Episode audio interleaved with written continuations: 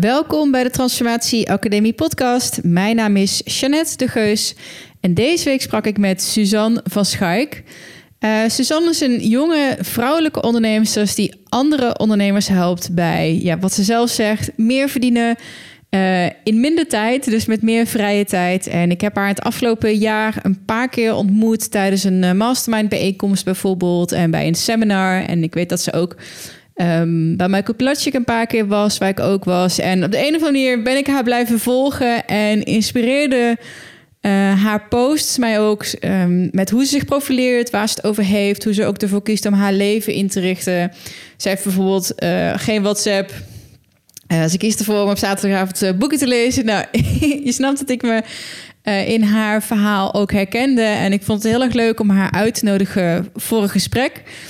Ik vond het heel tof. Het was ook een beetje. Het gesprek krijgt ook een onverwachte wending. Want um, hebben we het, we hebben het over geld en over armoede en over sales. En um, wat ik heel mooi vond om te horen was hoe zij het vergaren van rijkdom en geld eigenlijk inzet als middel voor persoonlijke groei. Het gaat dus niet zozeer om het eindstation, dat miljoen, maar meer wat het met jou doet als mens en de lessen die je onderweg leert. Zodat je eigenlijk, als je daar dan bent op dat eindstation, alles weg kan geven, want dat doet er niet meer toe. En ik zag een hele mooie parallel tussen uh, eigenlijk hoe je dat ook doet op het liefdespad en het romantische pad. Nou, dat was voor Suzanne aanleiding om een aantal vragen ook aan mij te gaan stellen. Dus uh, onverwacht gaat dit ook over polyamorie en mijn romantische situatie. Um, wat ik jammer vond. Eh, ach, op een gegeven moment zetten we de microfoon uit. We waren klaar. En een van de laatste onderwerpen was de wet van de aantrekking. En uh, we gingen er later nog wat over meer praten. Um, off camera. En toen dacht ik, toen kwam er nog iets naar voren wat ik heel erg belangrijk vond. En wat ik echt nog wel eventjes mee wil geven, ook in deze introductie. En op een gegeven moment kwamen we het over, ging het hebben over uh, verlangen en overtuiging. Um, het gaat over de wet van de aantrekking. En Um, ik heb me daar ook wel in verdiept. En ik heb afgelopen twee jaar echt een paar keer gehad dat ik dacht: shit, de situatie waar ik me nu in bevind. Dit is exact wat ik een jaar geleden zo graag wilde. Uh, maar wat toen om allerlei redenen nog niet kon. Uh, zowel zakelijk als ook uh, privé. Dus ehm, nou, bijvoorbeeld ook mijn rol binnen 12 Waves. Dat wilde ik een jaar geleden al heel erg graag doen. En toen was de tijd nog niet rijp. Uh, en nu denk ik, jaar later, ik heb het helemaal niet door. Maar op een gegeven moment sta je even stil en denk je... hè, wat bizar, dit is echt gewoon precies wat ik toen wilde. En ik had het helemaal niet door dat dat inmiddels was gebeurd. En een jaar is natuurlijk best wel lang. Dus je, ja, je bent er ook dan niet meer op die manier mee bezig. En toen zei ze ook van een van de um, auteurs die ze uh, erg hoog heeft staan. Volgens mij was dat uh, Joseph Murphy, maar dat weet ik niet helemaal zeker. Die zegt dat om de wet van de aantrekking succesvol te maken, heb je twee componenten nodig. Je hebt verlangen nodig, dus je moet het echt heel graag willen. Uh, en je hebt ook de overtuiging nodig van dat je dit ook echt kan, dat, dat dit zeg maar gaat gebeuren. Um, en dat was dus heel sterk wat ik heb ervaren met 12 even, maar ook op het romantische aspect. Ja, echt de overtuiging van ja, maar dit gaat lukken. En ik wil dit ook echt heel erg graag. En dat dat dan niet, dat is er dan niet morgen. Dat zakt dan weer naar de achtergrond. En dan een jaar, anderhalf jaar later kijk je terug en denk je: hey, holy shit, maar dit is eigenlijk precies wat ik toen zo graag wilde. En dat was voor mij ook echt een eye-opener van: wow, als het zo werkt, wat wil ik dan nu heel graag? En wat frustreert me nu heel erg zo van: ah, het lukt niet. Want misschien is dat dan hetgene waarvan waar ik over een jaar sta. Dus het maakt je heel erg bewust van uh, waar richt je je focus op? Want misschien is het er morgen niet en het komt ook niet magischerwijs uit de lucht vallen. Je moet er kaart voor werken. Um, maar het werkt wel. Dus ik, het maakt mij heel selectief in wat voor doelen stellen. Waar besteed ik mijn tijd aan? Waar kies ik voor op me te focussen? Want ik weet gewoon, als je die twee componenten hebt, verlangen en overtuiging, um, dan gaat dit gebeuren. Althans, zo was het voor mij. Nou goed, dat wilde ik er graag nog eventjes toevoegen, want het kwam in het gesprek. Uh, helaas, ja, in het nagesprekje, dus niet in het gesprek zelf. Dus dat wilde ik nog graag eventjes zeggen. Uh, verder vond ik het echt heel tof om met Suzanne te kletsen. En um, um, ik ga haar absoluut nog blijven volgen. En mocht je het een waardevolle podcast vinden, vergeet dan niet as usual om je te abonneren in je podcast-app of bij mij op de site. Eh, je mag uiteraard ook een uh, sterrenrating voor me achterlaten of een review of donaties doen. Want deze podcast is helemaal, ehm, ja, liefdadigheid wilde ik zeggen. Dat is het natuurlijk niet. Maar uh, als je je waardering wil laten blijken voor deze podcast, dan kan dat op een van die manieren. Um, dat was het. Een iets langere introductie dan normaal. Excuses daarvoor. En ik wens je heel veel plezier met Suzanne van Schaik. En ik spreek je volgende week weer.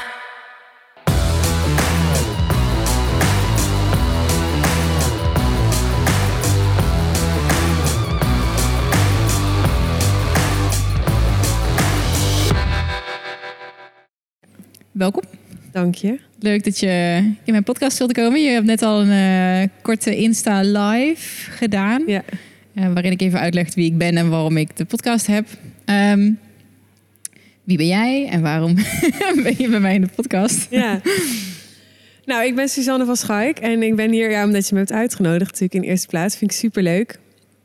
En uh, wat doe ik? Nou, ik help kennisondernemers en Daaronder versta ik met name coaches, trainers, adviseurs en consultants. Om uh, van hun dienst een high-end programma te maken en die te verkopen, waardoor ze meer gaan verdienen en ook meer vrije tijd creëren voor zichzelf.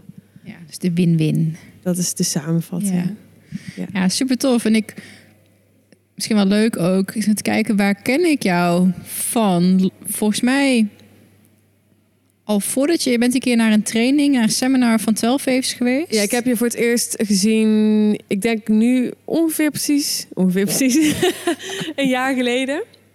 Uh, in Apeldoorn, weet je dat nog? Bij Bastiaan. Dat was de eerste keer dat ik heb gezien. Oh.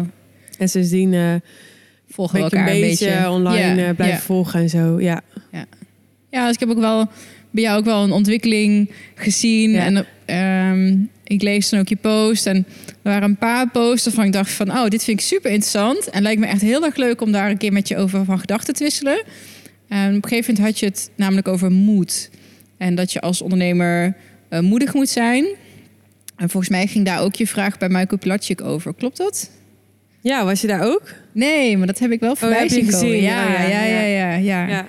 Ja, nou, ik weet niet of die over moed ging, maar uh, nou, het was moedig wat je deed om te gaan staan en je vraag te stellen. Om je kwetsbaar. Dat, was, dat is de, de hoek. Ja, ja wat heeft me ook heel veel opgeleverd trouwens. Nou, vertel eens even, want hoe, wat was dat? Uh, nou, ik was voor de derde keer bij Michael. Uh, derde keer bij Maximum Potential. En uh, op een gegeven moment vroeg... Ja, goh... Nu zet je hem wel een beetje voor het blok. Wat is nou de vraag? Ik heb niet zo'n heel goed geheugen. Ik bedoel, wat is nou de vraag die ik daar stelde? Ja. Nou, het ging in ieder geval over angst, weet ik nog. Oh ja, ik weet het alweer. Mijn grootste angst. Wat mijn grootste angst uh, is. Uh, in ieder geval, dat was zo'n oefening. We moesten daar iets over opschrijven voor onszelf.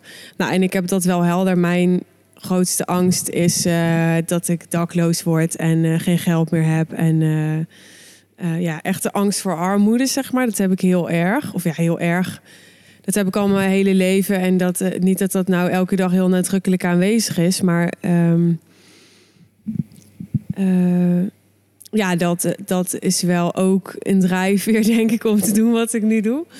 En um, nou, dat uh, deelde ik daar. Dus op een gegeven moment zei, vroeg hij volgens mij van... nou, wie wil zijn grootste angst delen? En toen heb ik mijn hand maar opgestoken en toen gaan staan. En toen zei ik dat. En toen hadden we daar een soort van kort uh, coachingsgesprek over voor de hele zaal. Uh, oh, dus hij, hij, ging jou aan plan publiek dus eigenlijk even daarop coachen? Ja. Oh, ja. oh. Ja. Ja. ja. ja. dat is wel heftig. Maar uh, ja, dat is wat hij super goed kan. En dat is ook... Ja, als je daar toch heen gaat, dan vind ik... dan moet je ook je moment pakken. En, en daar haal je ook echt veel waarde uit. Dat je... Uh, nou, niet alleen dat je dan door hem even live gecoacht wordt, maar ook door het feit dat je opstaat en uh, voor zo'n zaal dat ja, je zo kwetsbaar opstelt. Dat is wel wat je doet. Ja. Dan voel je je wel uh, in je onderbroek staan, zeg maar. Zo voelde het voor mij wel. Ja, je zei het, wat ja. heeft je heel veel gebracht? Ja, ook omdat vervolgens iedereen, de hele zaal wist wie ik was. Als in van me onthouden had. Kwam niet eens zozeer door mijn eigen verhaal, moet ik zeggen. Maar ook een beetje door Michael. Die hielp wel mee. Want die had dus gezegd over mij van ja, zij verkoopt kunst. Dat doe ik niet meer, maar dat deed ik de keer daarvoor nog wel. En uh, nou, hij vertelde dat ik dus de vorige keer dat ik bij uh, zijn event was, geprobeerd had hem een kunstwerk te verkopen. en nou, dat, dat vertelde hij zo. Dat hij, uh, hoe zei hij dat nou precies? Van, ehm, nou, in ieder geval, hij, hij bracht dat zo op zijn manier. Uh, dat dat indruk op hem had gemaakt. Dat ik uh, nou gewoon hem dat geprobeerd had aan te smeren, om het maar zo te zeggen. En dat had heel erg indruk gemaakt op de zaal. Want daarvoor hadden mensen me denk ik wel zien lopen, maar was ik toch een beetje een jong blond meisje. En toen was het opeens zo van, zo, ze heeft wel ballen of zo. Dat was wel wat in dat korte gesprekje duidelijk werd. En uh, ja, vervolgens ook wel weer leads eruit gehaald, gesprek gehad uh, voor mijn bedrijf met, uh, met een aantal van die mensen. En gewoon ja, hele leuke gesprekken gehad daar ter plekke op dat event. En ja, allemaal nieuwe Facebook-vrienden en LinkedIn-connecties en zo. Dus dat heeft wel um, wat gedaan voor mijn positionering of zo. Ja. En inhoudelijk, want het ging over ook angst voor armoede. Mm -hmm. Uh, weet je nog wat Michael daar ook op zei of niet? Um, ja, de strekking van zijn verhaal was van je bent niet zozeer um, bang om geen geld te hebben, maar je bent bang dat je niet goed genoeg bent om het geld te verdienen dat je nodig hebt om comfortabel te kunnen leven. Want ja, nodig hebben is natuurlijk altijd een relatief begrip. Maar hij weet dan wel van mij van ja, ik ben wel iemand die ook gewoon uh, schoenen wil kunnen kopen en zo. Niet alleen maar een droge boterham wil. Dus um, hij zei, dus dat vroeg hij ook aan mij van ja, hoeveel heb je nodig? Dus zei ik ook ja, nodig, nodig. Ja, als het moet, kan ik wel met uh, 1000 euro in de maand leven misschien. Maar het zei ja, oké, okay, maar om een, een leuk leven te leiden, zeg maar, 10.000 euro. Zei ja, nou bijvoorbeeld. Dus zei oké, nou, dus dan moet je ongeveer uh, twee ton verdienen, even uh, uh, grofweg. Um, ben je in staat om dat te doen? En toen zei ik ja. En toen, ja, toen was eigenlijk ook die hele angst weg. Toen dacht ik ook gewoon, ja, weet je, ik ben gewoon um, capabel genoeg om het geld te verdienen wat ik nodig heb, weet je wel. En dat, dat is ook nu dwalen we een beetje af misschien, maar dat is ook wat ik zo super mooi vind aan ondernemen en wat het doet met je persoonlijke ontwikkeling. En ook specifiek met verkopen. Dat vind ik dan nog een soort van uh, heel belangrijk subonderwerp van ondernemen. Is als je kunt verkopen, ja, dan ben je gewoon in staat om waar dan ook ter wereld, wanneer dan ook, in je uh, behoefte en je levensonderhoud te voorzien. Dat is echt uh, zo krachtig.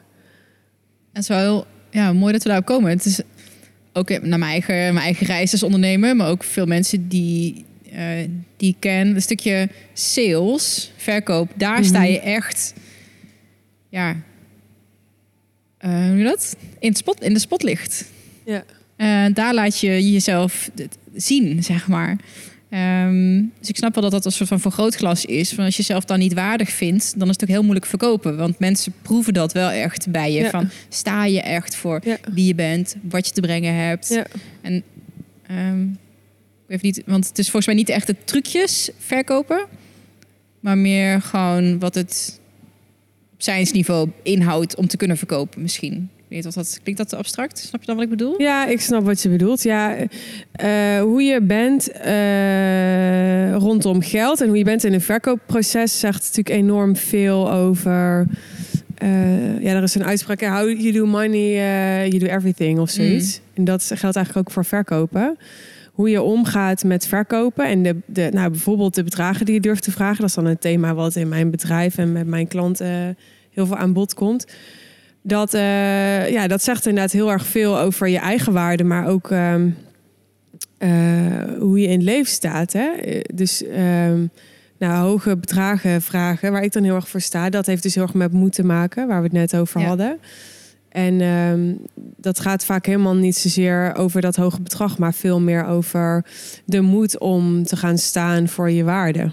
Leg eens uit goed, inderdaad. Dat... We weer af, nee, maar nee. Niet, hè? Ik moet deze podcast gewoon omdopen naar de, de, de afdwaalpodcast. Ja. nee hoor, ik, ik hou de lijn. Dat is ook geen probleem. Zo. maar ik vind het wel een interessante, want um, kan je dat wat verder toelichten? Dat die relatie met moed en moed en geld? Um, Ja, wat, is er eng- wat zou er eng aan zijn om, of wat betekent het als je het niet doet? Want jij coacht daar natuurlijk mensen Mhm. in die dat nu lastig vinden om dat te Mhm. gaan doen. Nou, ik zelf ook. Ik kwam toevallig, eh, omdat ik nu de website aan het ombouwen ben, eh, oude pagina's tegen, oude salespages van twee jaar terug, Mhm. anderhalf jaar terug. Toen dacht ik, ja, jeetje, toen vroegen we... En toen dacht ik, nog kan ik dit wel vragen voor de mastermind? Dat was eh 124 euro per maand. Ja. Terwijl we hem nu voor 4200 per jaar verkopen. En dan denk ik, jeetje, en ik vond het toen zoveel geld. En die denk ik echt, fuck, dat is veel te goedkoop. Gewoon niet zo van, oh, ik heb meer geld nodig. Maar meer van, wat kan je voor iemand betekenen? Ja. Ehm, eh, ja. Ja. Dat is zo bizar, zeg Ja. maar. Dat, om dat dan terug te zien, denk ik, Mhm. oh ja. Maar je moet het wel even zien en ook een keer meegemaakt hebben, denk ik. Hoe zie jij dat terug bij de mensen die je coacht, die op zo'n punt staan? Nou ja, van, misschien goh, is het interessant als ik dan heel even kort vertel hoe ik überhaupt bij die hoge bedragen gekomen ben. Want dit is ook heel erg vanuit een persoonlijke ervaring die ik heb gehad. Absoluut. Ik had een jaar geleden. ehm, was ik heel erg aan het. eh, Het was echt een, ja, een keerpunt in mijn leven, zeg maar. Er kwamen een aantal dingen samen. Ik kreeg RSI. Nou, ik kwam toen voor het eerst bij Michael. Dat heeft ook heel veel met me gedaan. Toen besloten mijn baan op te zeggen. Naar Bali gegaan. Een soort van mini-sabbatical genomen. Dus daar kwam heel veel samen. En eh, uiteindelijk was die periode een beetje eh, ten einde. En was de vraag, oké, wat nu? En eh, ehm, ik had... eh, ik, in de periode daarvoor een aantal mensen ja, gecoacht. Dat had, mocht niet echt een naam hebben, vond ik zelf. Er waren wat ZZP'ers om mij heen. Die zeiden van, hey, je hebt heel veel ervaring met bloggen. Kan je me daar niet bij helpen? Ja. Nou, ik werkte dus inderdaad samen met de kunstenares. En ehm, Nu weet ik het inderdaad.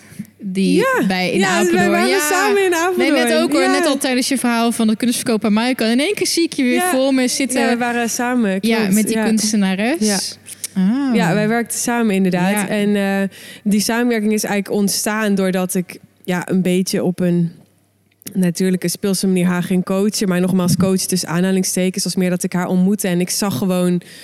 eh, ik had gewoon een bepaalde visie voor haar bedrijf. En ik zag op bepaalde dingen van... Ik dacht, volgens mij moet dat anders. En nou, dat ben ik met haar gaan delen. En zo ontstond dat. En toen dacht ik, hé, hey, dit is eigenlijk wel heel gaaf, weet je wel. Ik heb dus blijkbaar hier een visie op. En ik heb hier een mening over. En ik zie dingen die zij niet ziet. Of die zij anders ziet. Of...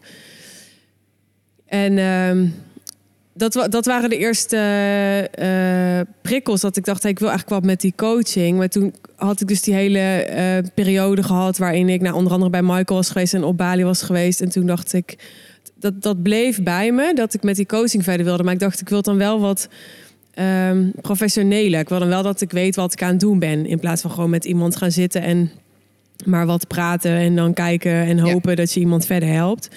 Dus toen ben ik gaan kijken, oké, wat kan ik voor opleiding volgen of voor programma volgen van eh, mensen die eh, hier beter in zijn of verder in zijn of die me hierin van alles kunnen leren. En toen ben ik een business coach programma gaan volgen. En daar heb ik heel veel in eh, geïnvesteerd. Tenminste, dat was toen voor mij nog steeds wel hoor. Maar toen met name heel veel geld. Heb ik echt buikpijn van gehad. Hoeveel was dat? Eh 8000 euro. Voor een periode van... Voor een jaar. Maar weet je, die periode was eigenlijk helemaal niet relevant. Is eigenlijk helemaal niet relevant, denk ik. Het ging veel meer gewoon om dat bedrag en dat bedrag in één keer neer te tellen. En je moet je voorstellen, hè, het, het, het, het was ook nadat ik mijn baan had opgezegd en nadat ik een reis had gemaakt naar Bali, die ook echt heel duur was, waar ik ook 5000 euro of zo in had uitgegeven. En ehm, ja, nogmaals, nu zit ik daar al heel anders in. Maar toen was dat. eh, het, was, het was echt een beetje burn your ships. Dus ik had echt het gevoel dat ik al mijn schepen achter me aan het verbranden was. En. ehm, nou goed, om eh, even terug te komen op die hoge bedragen. Voor mij was dat een heel hoog bedrag. En eh, ik dacht, nou, als ik eenmaal maar dat geld betaald heb, dan eh, is die buikpijn weer over. En dan, maar zo was het niet. Want ik had eenmaal dat geld be- betaald en ik ging aan de slag met dat programma. En ik heb echt de eerste twee maanden in het programma een soort van boosheid gevoeld.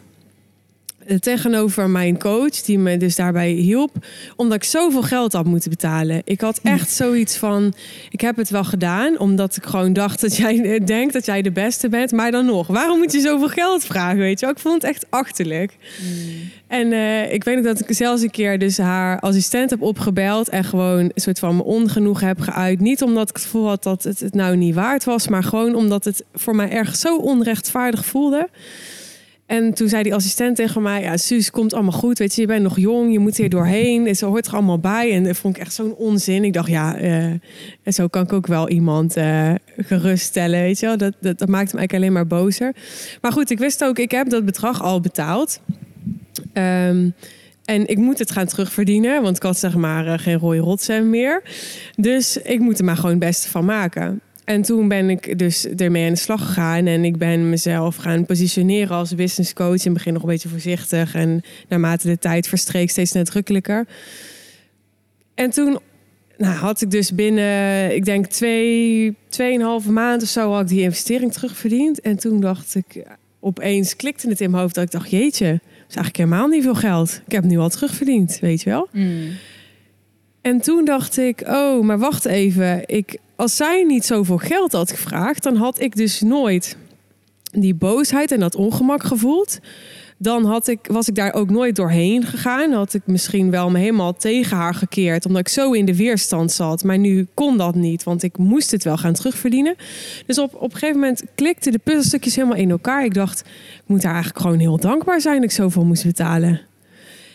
En daar heb ik toen ook een blog over geschreven. Heel veel reacties op gehad ook. Mensen die het heel mooi verhaal vonden. Ook mensen die er echt geen zak van begrepen. Wat ik ook heel goed begrijp. Want ik denk, als ik het niet zelf ervaren had... dan, dan had ik ook gedacht, hè, wat, wat een onzin. Maar toen klikte bij mij pas echt van... oké, als je dus veel geld vraagt als kennisondernemer, dus geldt niet voor alles, maar wel als coach, trainer, adviseur of consultant, dan help je eigenlijk je klant. Die overtuiging heb ik toen gekregen. Terwijl voor die tijd was ik net als de meeste mensen, dat ik dacht, ja, weet je, als je iemand wil matsen, dan moet je hem juist korting geven of dan moet je juist voor een vriendenprijs doen. Um, maar dat zorgt dus vaak helemaal niet ervoor dat iemand de stappen gaat zetten die hij kan zetten. En dat hij de resultaten haalt die hij kan behalen. Um, ja, en dat heb ik zelf op die manier toen ervaren. En toen ben ik heel erg daarvoor gaan staan. Dat ik dacht, hé, hey, er zijn veel te weinig mensen die dit weten. En dit wordt nu een soort van mijn uh, missie of zo, om dit de wereld in te zetten. Ja. Denk je dat er ook een mogelijkheid was geweest dat je het bijvoorbeeld niet had terugverdiend? Denk je daar wel eens over na? Van, goh, wat was er eigenlijk gebeurd? Stel dat, dat, niet was, dat het niet had geklikt. Of dat, dat het je niet twee maanden had geduurd, maar twee jaar bijvoorbeeld. Want dat is denk ik een angst die, die mensen namelijk hebben van... oh jee, weet je wel, ze zeggen wel dat ik het snel terugverdien... maar lukt dat dan wel? En oh, maar straks moet ik nog, nog vijf jaar lang mijn creditcard afbetalen... tegen 12% rente. Ja. ja. ja. Nou, um, ik was wel een klant die verantwoordelijkheid nam. Die ik, ik ben wel het gaan doen. En niet iedereen doet dat. Maar dat is ook weer de verantwoordelijkheid die je draagt als coach. Dat je dus je klanten daarop selecteert. Dat ben ik nu ook aan het doen. En af en toe gaat dat fout. Dan ga je dus met iemand werken. En dan denk je later, ja. Om het maar even heel bot te zeggen, die neemt dus te weinig verantwoordelijkheid. Die moet je dan eigenlijk ook niet aannemen als, als klant. Hè? Dat vind ik, dat is dan je verantwoordelijkheid als ondernemer. Um, maar dat is dus echt ook een selectieproces. Dus dat hoort bij het high-end ondernemen, waar ik nu mee bezig ben. Dat je ook zelf echt je klanten erop selecteert. En dus de klanten selecteert waarvan je um, het vertrouwen hebt dat ze dat resultaat uh, kunnen halen en die investering snel kunnen terugverdienen. Ja.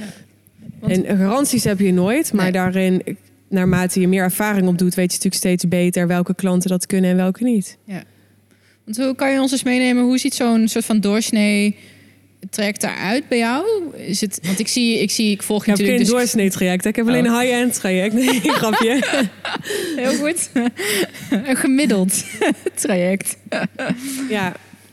Nou, ik heb een jaartraject en um, hoe ziet dat eruit? Er zit uh, één op één coaching bij in. Er zit een mastermind calls bij in met mijn andere klanten, dus met de groep. Er zitten live dagen bij in uh, met de groep, met mijn andere klanten. Er zitten materialen bij in waar iemand zelfstandig mee aan de slag kan. Um, en ik heb een uh, besloten Facebookgroep. Daar word ik tegenwoordig ook mee doodgegooid. Maar die van mij is wel echt heel goed. Nee, maar ja, dat is, die van mij is niet ma- massaal of zo. eh, weet je, want ik heb juist eh, relatief weinig klanten met wie ik, op wie ik zoveel mogelijk impact probeer te hebben. Ehm, dus het is een klein groepje. En eh, ook mensen die je als het goed is snel persoonlijk leert kennen op de live dagen tijdens de mastermind calls. Ehm, waarin vertrouwen heel belangrijk is, waarin je ja, ervaringen kunt delen, struggles kunt delen, advies kunt vragen, feedback kunt vragen. Ja. Alles kunt delen wat je maar wil. En, eh, Ja, ik, ik, dat, dat kleinschalige, ik hou er wel van. Ik merk zelf, want ik, ik coach heel, heel minimaal. Wil ook niet heel veel mensen coachen. Is dat als je echt iets voor mensen wil doen, het is gewoon intensief, zeg maar. En ik heb besteed liever aandacht aan twee mensen, dat ik echt wat voor ze kan doen, dan dat ik heel versnipperd, dat heb ik ook wel eens gehad. Dat ik, weet je, heb je, dan ben ik ook niet op mijn best of zo. Dus ik vind het wel heel goed dat je er gewoon voor gaat staan. Zeg, hey, ik wil gewoon een kleine groep mensen die bij mij passen. ja. Ehm, Ik wil er wel meer hoor. Niet om. Ja. Nee, ben ik ook heel eerlijk in. Ik wil wel meer mensen. Ik wil wel nog een grotere groep. En misschien op den duur ook eh, nog iets van een tweedeling daarin. Wat is je ambitie? Wat is jouw vijf, vijf jaren doel? Miljonair worden. Dat weet ik nog, dat je dat bij Bastiaan Ja. eh, toen zei. Nee, dat zei ik laatste keer eh, volgens mij in mei. in mei heb ik jou ook gezien. Dat was mei, Ja, dacht ik. Of bij seminar met Michel. in ja. Arnhem, ja. Ja. zei ze. Maar... Degene die niet kijken met een groot grijns, miljonair worden. maar het is natuurlijk... ehm, het, ja, het, het klinkt misschien heel gek eh, voor iemand die nog geen miljonair is, want hoef ik geen doekjes om te winnen. Maar het is niet ehm, heel moeilijk, denk ik, om miljonair te worden. Maar ik wil het niet eh kosten wat kost. Dus ik wil het wel ehm, zonder dat het ten koste gaat van de kwaliteit van mijn leven. Ehm, dus ik wil het niet door keihard te werken. En ik wil het ook niet door iets te doen wat ik niet leuk vind. Ja. Dus het is wel echt die combinatie. Dus ik zeg nu heel stoer miljonair worden. Maar eh, ja, weet je, dan kan je ook een businessplan schrijven. Naar een bank gaan, eh, geld ophalen of naar een investeerder en gewoon een eh, bedrijf kopen. En wat al heel veel miljoenen doet, bij zo'n spreken, snap je? Er zijn natuurlijk heel veel manieren waarop dat kan. Maar ehm, ja, ik wil het wel helemaal volgens de filosofie die, eh, die ik nu zelf aanhang. Ja.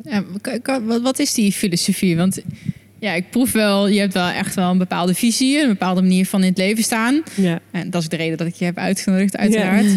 Maar kan je, wat, wat is je visie daarop? Dus in, in de zin van, kan je ons eens meenemen van... eh, Waarom is bijvoorbeeld dat miljoen zo belangrijk? En, waarom, en wat is dan op je eigen manier? En waarom Ja. is het zo belangrijk om dat op je eigen manier te doen? Ja. Nou, om met de eerste vraag te beginnen, waarom is dan miljoen belangrijk? Eh, er zijn mensen, omdat ik heel veel over geld praat in marketing, die denken dat ik heel erg geobsedeerd ben door geld. Ik denk dat het helemaal niet zo is. Ik ben wel een beetje geobsedeerd geraakt door persoonlijke ontwikkeling, zeg maar. Dat is een heel belangrijk ding in mijn leven. En ik heb geld gewoon als middel genomen. Voor mij is het een heel goed middel om persoonlijk te groeien, heb ik gemerkt. Dat komt misschien dus ook wel omdat ik die angst voor armoede heb. Waardoor eh, eh, ik merk dat als ik... ehm, eh, groei zeg maar in geld. Dus in hogere bedragen vragen je meer omzet doen. Maar ook in, in meer kosten maken, meer verantwoordelijkheid. Alles wat daarbij komt kijken. eh, dat ik groei als persoon. Dus ik heb geld gewoon als middel gekozen. En er is zo'n quote. Ik weet niet of ik hem nou eh, helemaal in één ehm, eh, zin kan herhalen. Maar er is zo'n quote die zegt van... nou, als je een miljoen hebt verdiend... of als je miljonair bent... kun je eigenlijk al je geld weggeven. Want het gaat helemaal niet om dat geld. Het gaat gewoon wie je geworden bent. Dat is heel erg wat ik bedoel met miljonair worden. Ik heb eh, gezien wat het afgelopen jaar met mij gedaan heeft om gewoon in vanuit niks. Kan niet zeggen niks, want ik heb wel al bedrijven gehad en ik had al wel iets van een personal brand staan online, maar niemand kende mij als business coach. Het heeft denk ik zelfs best wel tegen me gewerkt. Ook dat veel mensen mij kennen als blogger en modeblogger. Want het was in het begin echt een beetje zo van... nou, wie is zij nou dat zij opeens eh, mensen gaat coachen? Er wordt wel steeds minder, maar daar heb ik echt wel tegenaan moeten boksen. Ehm, om vanuit niks in nou ja, een, een half jaar tot een jaar tijd een bedrijf op te zetten wat echt wel staat. En waarin ik nog veel verder kan groeien. Uh, maar ik hoor soms mensen praten en die zeggen: Ja, weet je, ik kan er echt nog niet vragen, want ik ben net begonnen. En dan zeg ik: Hoe lang ben je bezig dan? Ja, twee jaar of zo. Dan denk ik echt: hallo, ik ben nog niet eens een jaar bezig, weet je wel. En je durft nog niet eens een tiende te vragen misschien van wat ik durf te vragen. En niet dat dat een wedstrijd is of niet dat ik nou wil vergelijken, helemaal niet. Want daar wordt niemand gelukkig van. Maar ik wil wel mensen inspireren en motiveren en laten zien dat het kan. Nu ben ik echt helemaal afgedwaald van je vraag. Maar dit is dus even van waarom een miljoen?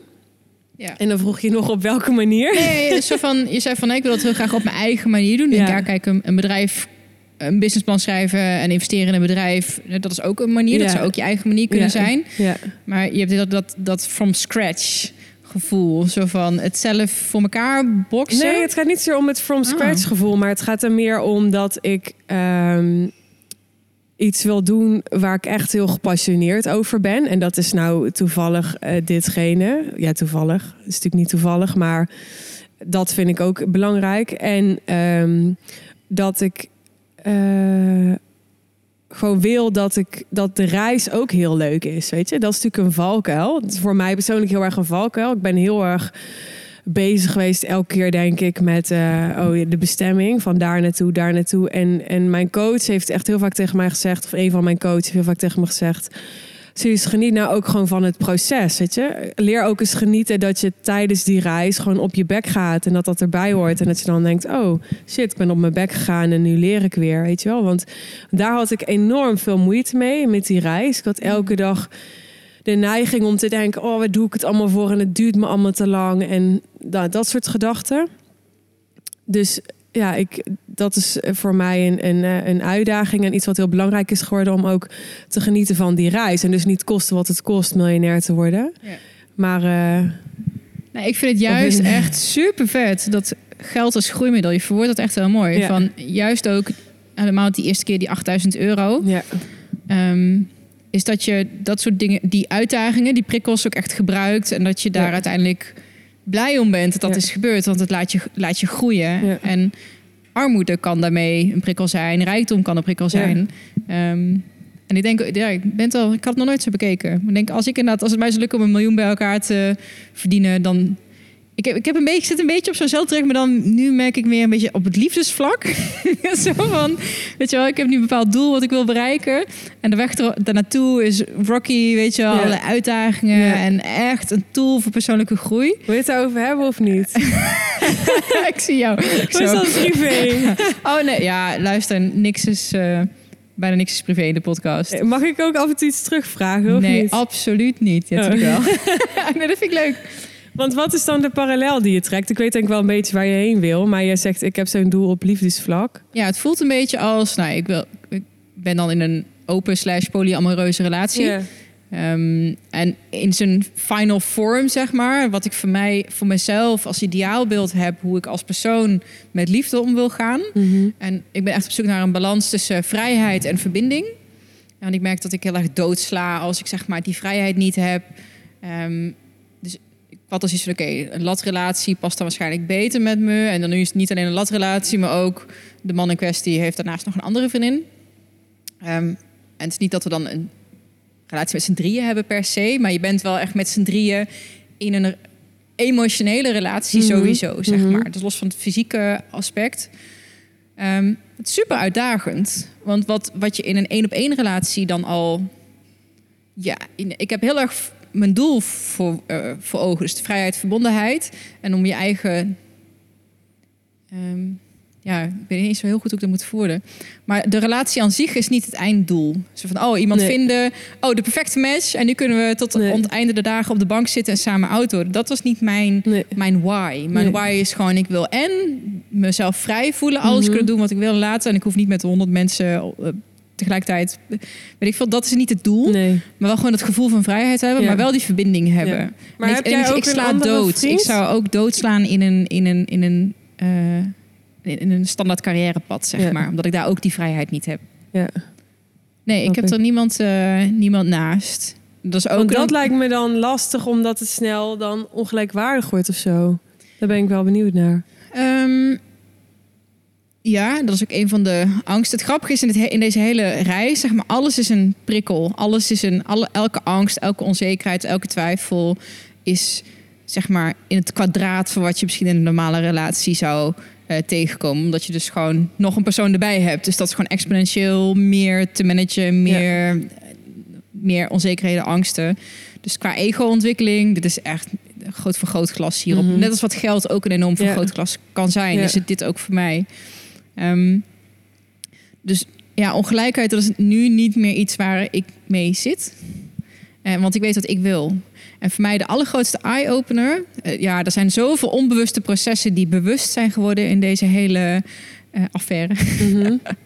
Ehm, laatste nieuwe grootste inzicht van, weet je, ehm, die man en ik, wij zijn geen unit, wij zijn geen eenheid. Weet je wel, als je bent vaak een relatie, je hebt zoek naar versmelting en eenheid en samen zijn. Denk ja, maar eh, hij is met die ander geen eenheid en ik ben met hem geen eenheid. Ik ben een eenheid en ik bepaal mijn eigen geluk, mijn eigen waarde, mijn eigen plezier, mijn eigen fun. En ik ben op zoek naar teamgenoten, zeker te weten. Ehm, maar het is niet dat ik niet compleet ben, want ik heb dit allemaal al in mij. En ik ben op zoek naar mensen, of ben op zoek naar iemand die met me meeloopt op dit pad, zeg maar. Ehm, en natuurlijk zit daar een stuk samensmelting in, want je bent dan ook samen. Maar het is niet, ik voel me dus ook niet bedreigd door iemand anders, omdat dat niet kan, zeg maar. Ja, ja, ik vind het heel mooi. het een beetje? Ja, zeker. Ja. Ehm, maar dat is wel, als het dan gaat over nou, onzekerheid, is een mooi voorbeeld. Wat laatst dan bewust is geworden, wat eigenlijk onbewust was. En als ik dan over hun nadacht en dan was er wat gebeurd, of ik dacht van, oh, zij zijn nu dichter bij elkaar gekomen. Dat, dacht ik, dat is mijn angst. Van, oh, maar zo, straks komen ze zo dicht bij elkaar dat, dat ik langzaam naar de achtergrond verdwijn. Daar ben je natuurlijk bang voor. Van wie is dan. van overbodig. Wie is nummer één? wat. dat is echt een ego-gedachte. Ja. Ja, maar dat Ja. is wel wat je Ja. wil, de belangrijkste zijn, toch? Ja. En dat te beseffen was van, ik ben de belangrijkste voor mij en voor niemand anders. Ehm, maar denk, hé, maar wacht eens even. Wat er bewust werd van mijn angst dat hun helemaal close en waren. Dacht ik, maar dat is mijn projectie van wat ik eigenlijk misschien heel graag wil. Ja. En wat ja. die man in een relatie wil, of zij in die relatie wil, dat hoeft niet hetzelfde te zijn als wat ik zoek. Dus mijn angst dat zij dat hadden, liet mij zien van, hé, maar dat is dus iets wat ik wil. Ja. Eh, en dan is het in één keer ook niet meer iets waar ik bang voor ben. Nee, maar zij hebben hun eigen. Ze leven hun eigen filmpjes, hun eigen verhaal, hun eigen verhaallijn. Ze zoeken daar iets, eh, iets misschien wel iets heel anders in dan wat ik daarin zoek. Dus dat was ehm, ja, een grote eye-opener. En ook echt duizend kilo wat van mijn schouders viel. Ze van, oh maar wacht eens even. Ik, ik ben verantwoordelijk voor mijn eigen ding en voor wat ik zoek. Mhm. En ehm, eh, niemand kan mij afwijzen, niemand kan mij minderwaardig laten voelen, omdat ik dat al heb. Ja. En als ik bang ben dat zij dichter bij elkaar komen, ik denk, ja, ik hoop dat zij dichter bij elkaar komen. Want dat betekent dat er ook meer ruimte is voor mij. Ja. Of ja, voor mij. Is, ehm, het is echt, ja, je kent het vast ook. Je, ga je vanuit angst of schaarste denken Ja. of van liefde en overvloed. Dit is echt overvloed ten, ten voeten uit. Want er is meer dan genoeg voor jou, voor mij, voor iedereen. Ja. En eh, we zijn niet 24-7 bij elkaar. Wil ik ook niet, want dat heb ik gemerkt. Ik bedoel, ik ben 38. Het is de reden waarom dat ik nog vrijgezel was, zeg maar. Geen kinderen had. Ik word er niet gelukkig van, 24-7 bij elkaar zijn. Dus iemand loslaten en vrijlaten en weten dat... oh, eh, wat hij met anderen doet, het zegt niks over mij. Het zegt ook echt daadwerkelijk niks over mij... en hoe die over mij denkt en voelt. Omdat we daar ook met z'n drieën op die manier in staan. Ja. Ehm, ik heb nu zoiets van, ja, weet je, eh, die andere meid... ik zou dus ook echt mijn best doen om haar erbij te houden. We zijn een soort van bondgenoten. Ja, het voelt heel zo van... Maar zij is- hadden al een relatie en jij Ja. bent erbij gekomen. Ja, ik Nou, heel, heel kort, heel kort. Eh, Oké. Zij kenden elkaar wel langer, maar ik ben redelijk snel daarna, zeg maar... eh, want Oké. eh, ik kende hem ook al langer. En zo van, ja, ik moet je iets opbiechten, weet je wel. Ik heb, ik heb een, een vriendin, dus, en ik was van tevoren al verliefd op hem. Dus het was heartbroken. Ehm, en weet je niet, het was zijn visie. Zo van, ja, weet je, ik wil eh, niet meer in een monogame relatie, nooit meer. Ik wil niet andere mensen verdriet doen, want dit past gewoon niet bij me.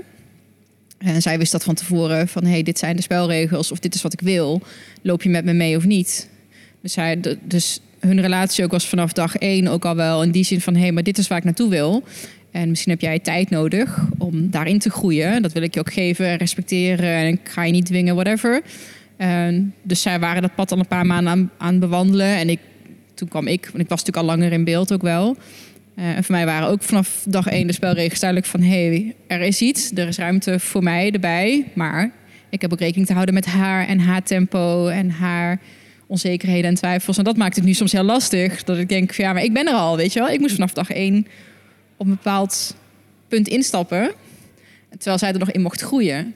Dus dan, je wordt continu gespiegeld. Ik zeg dit stukje van, oh, maar straks gaan zij helemaal knus. En dan hebben ze mij niet meer nodig, weet je wel. Dan denk ik, oh, je kan daar helemaal in meegaan en jaloers worden en onzeker worden en gaan claimen en gaan controleren en helemaal in de verkramping schieten. Mhm. Of het zien voor wat het. Oh.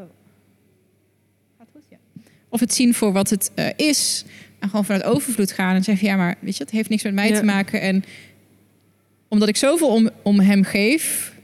Hetzelfde als dat ik iemand een, een lekkere maaltijd zou gunnen. Of een goede massage of een fijne vakantie. Gun ik hem ook gewoon zijn tijd met haar. En ik weet dat andersom, dat het mij ook wordt gegund, zeg maar, gewoon vanuit liefde. Ja. Dus dat is heel gaaf. Ja, het, is, het is heel, heel mooi. maar dus ook heel erg spiegelend, confronterend en uitdagend. Maar ja, liefde als groeimiddel, zou ik bijna willen zeggen. Ja. Net als jouw geld Ja, als groeimiddel. mooi hè, dat iedereen zo daar zijn eigen middel ook voor kiest of zo. Ja. Ja, het kiest jou, want ik heb dit niet... eh, niet ik ga even kijken wat er hier net eh, gebeurde. Doet hij het nog? Ja, hij loopt nog. Oké. Ja. Dus ja, ehm, misschien is dat inderdaad beter eh, geformuleerd. Ja, het gebeurt. Ik had het van tevoren niet verwacht. Ik, bedoel, ik ben natuurlijk ook met mijn bedrijf bezig, met ondernemer zijn. Maar wat voor mij symbool voor staat, is gewoon voor jezelf durven gaan staan. Ja. En waar word ik gelukkig van? Wat heb ja. ik nodig? Niet wat verwachten andere mensen van jou? Hoe word je opgevoed? Ehm, ik wist niet van, oh, ik heb twee mensen nodig voor een relatie. Nee, of, weet je wel, totaal niet. Maar Nee. ik wist wel wat het niet was. En ik durf wel eerlijk te kijken naar waar ik wel blij van word. Ja. Ehm, en daar hoort dit zeker bij. Want het is gewoon één groot... Ja, als het gaat over persoonlijke ontwikkeling, is het één groot feest. Ja. Natuurlijk zijn ook Ja. fantastisch mooie momenten hoor. Het is niet alleen maar eh, moeilijk en groei. Ehm, Sta je zo op veel onbegrip? Of niet? ehm, het is nog niet echt heel erg in de openbaarheid. Oh, nou, bij deze. ja. ja, maar het gaat inmiddels al lang genoeg goed. En ik begin ook steeds meer, zeg maar echt... Ik, ik was, had al 100% voor gekozen, weet je. En nu is ook alle onzekerheid die ik had, is weg. Weg al, weet je, je onzekerheden, je, je jaloezie, je twijfels. Alles komt natuurlijk, alles is spannend. Je bent ook al, ik heb al heel veel relaties gehad. Van, oh, wat maakt dit nou anders? Gaat dit wel lukken? Maar misschien juist omdat het zo anders is en met zo'n andere intentie en met andere, een andere persoon als wat ik ooit relaties mee heb gehad, denk ik, ja, nee, dit, dit, dit is het gewoon. Dit wordt het, dit is het. ja. Mooi. Ja. ja Dus, dus jij zei van ja, waarom zie je die parallellen? En denk ja, omdat het iets is waardoor je beloond wordt. Kijk, ik word ook beloond door financieel. Mijn zaak gaat nu ook echt veel beter. Weet je, dat is een beloning. En liefde is natuurlijk ook een beloning. Mhm. Maar het is ook iets waar je wel wat voor moet doen, zeg maar. Ehm, wat obstakels opwerpt Ja. Die niet tegen mij zijn. Maar waar ik wel heel makkelijk in een hoekje kan gaan zitten huilen. Net als die 8000 euro van jou. Ja. Ja, ja je kan ook jezelf slachtoffer voelen en zeggen... Ja. oh shit, ik ben erin getrapt. Iemand heeft me 8000 Ja. euro afgetroggeld. Ja. Ja. weet je wel, en nu? Dus ja, dat, dat vind ik mooi. Dat zag ik ook terug in, je, in hoe je jezelf profileert nu. Dus dat vind ik echt super tof. Ja, en dat is voor mij ook, om daar even op aan te haken... ehm, vind ik ook super belangrijk als het dus gaat om het selecteren van mijn klanten. Dat op het moment dat iemand anders bij mij komt en zegt... ja, ik ben bij die en die business coach geweest... en eh, nou ja, daar heel erg ehm, negatief over is of zo. Ja, dat is voor mij echt ehm, een no-go, weet je wel. Dan denk ik, ja, waar is je eigen verantwoordelijkheid? Ja, ik geloof daar niet in dat... dat eh, Tuurlijk zit er verschil in en zal niet iedereen even goed zijn. En, eh, maar het is eh, wat je er zelf mee doet, wat je er zelf uithaalt. En ehm, ja, ik denk altijd, ja, als jij negatief bent over een ander, weet je wel, waarom denk je dan dat, dat je bij mij meer vindt? Of ja, Ja, je, Dat is een beetje net zoals als je het dan de parallel wilt trekken met liefde, weet je wel. Als je met iemand aan het daten bent en die is heel negatief over zijn ex, weet je, dat, dat krijgt toch ook geen goed gevoel van. Ja. Dat is toch ook niet respectvol? Ja. ja, Ja, dat is een beetje precies. hetzelfde Ja. idee. Dat was continu naar een ander, naar een ander kijken. Oh, Ja. maar jij hebt me ongelukkig gemaakt. Ja. Dan denk ik, ja, maar wacht eens even. Als je niet inziet dat jij zelf er ook aandeel in hebt, Ja. dan, eh, ja, dan zijn wij geen goede match. Nee. Precies. Ja. Maar grappig, ik had er nog nooit zo over nagedacht dat dat zo twee parallellen zijn. Zie je, je vroeg me, wat brengt de podcast mij? Ja. Nou, dit soort inzichten. Wel mooi. Grappig, ja. Ja. Iets anders waar ik het ook met je over wilde Ja. hebben. Totaal ander onderwerp. Misschien komen we zo meteen nog wel weer terug bij geld. Maar WhatsApp. Ja. Ja. Ik las een post van jou dat jij geen WhatsApp hebt. Ja. En dat daar best wel vervelend soms ook op wordt gereageerd. Of dat mensen dat gek of raar vinden. Waarom heb jij geen WhatsApp?